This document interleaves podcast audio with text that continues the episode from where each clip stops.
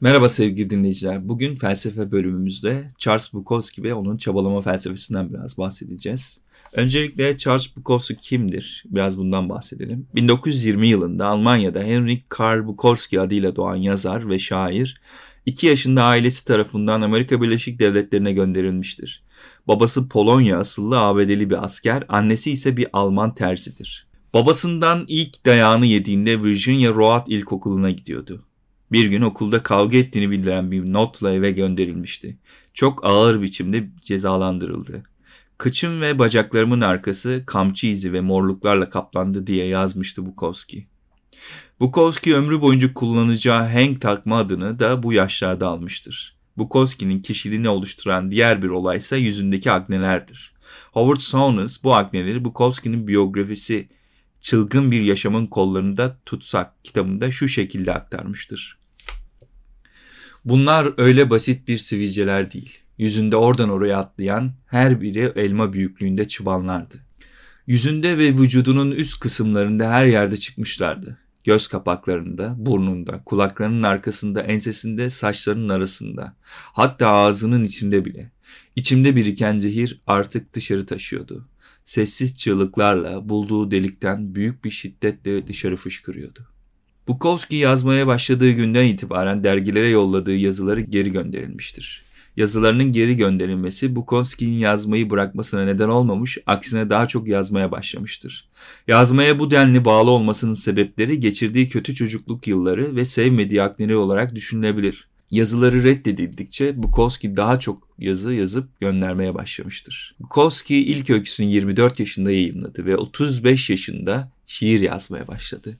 Yazılarında genellikle ahlaksız metropol ortamı, Amerikan toplumunun ezilmiş üyeleri, doğrudan dil, şiddet, cinsel imgeler yer aldı ve eserlerinin çoğu Henry Chinaski adlı otobiyografik bir figür olarak etrafında toplandı. Gençlik yıllarında sürekli gittiği Los Angeles Halk Kütüphanesi'nde çokça zaman geçiren Bukowski, burada daha sonra hayatında çokça yer kaplayacak John Fant ile tanıştı.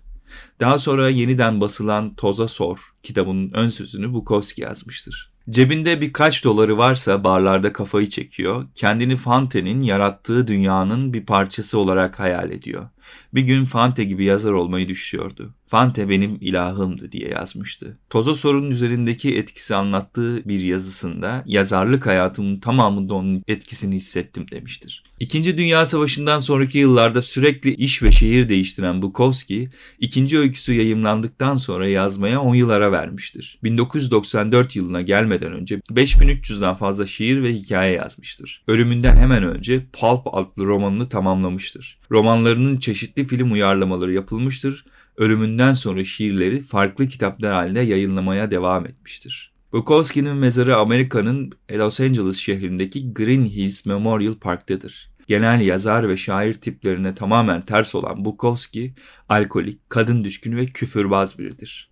Farklı kişiliği mezar taşına da yansımıştır. Mezar taşında don't try cümlesi yazmaktadır buradaki anlamıyla Türkçe'ye çabalama olarak çevrilebilir. Bukowski'nin bu düşüncesinin arkasında yatan motivasyonu 1990 yılında yazar William Packett'a yazdığı mektupta görmek mümkündür. Bukowski'nin mektubunda şu yazmaktadır.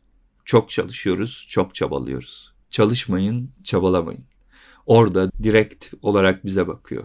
Kapalı rahimden çıkmak için can atıyor. Okullar, okullar eşekler içindir. Şiir yazmak, mastürbasyon yapmak ya da bir şişe bira içmek kadar kolaydır. Şeklindeki cümleleri mezar taşındaki yazıyı anlamaya yardım sağlar. Mike Watton, Linda Bukowski ile yaptığı röportajda Don't Try cümlesini şu şekilde açıklamıştır. Şu büyük hacimli kitapları görüyor musun? Onlara Amerika'da kim kimdir deniyor.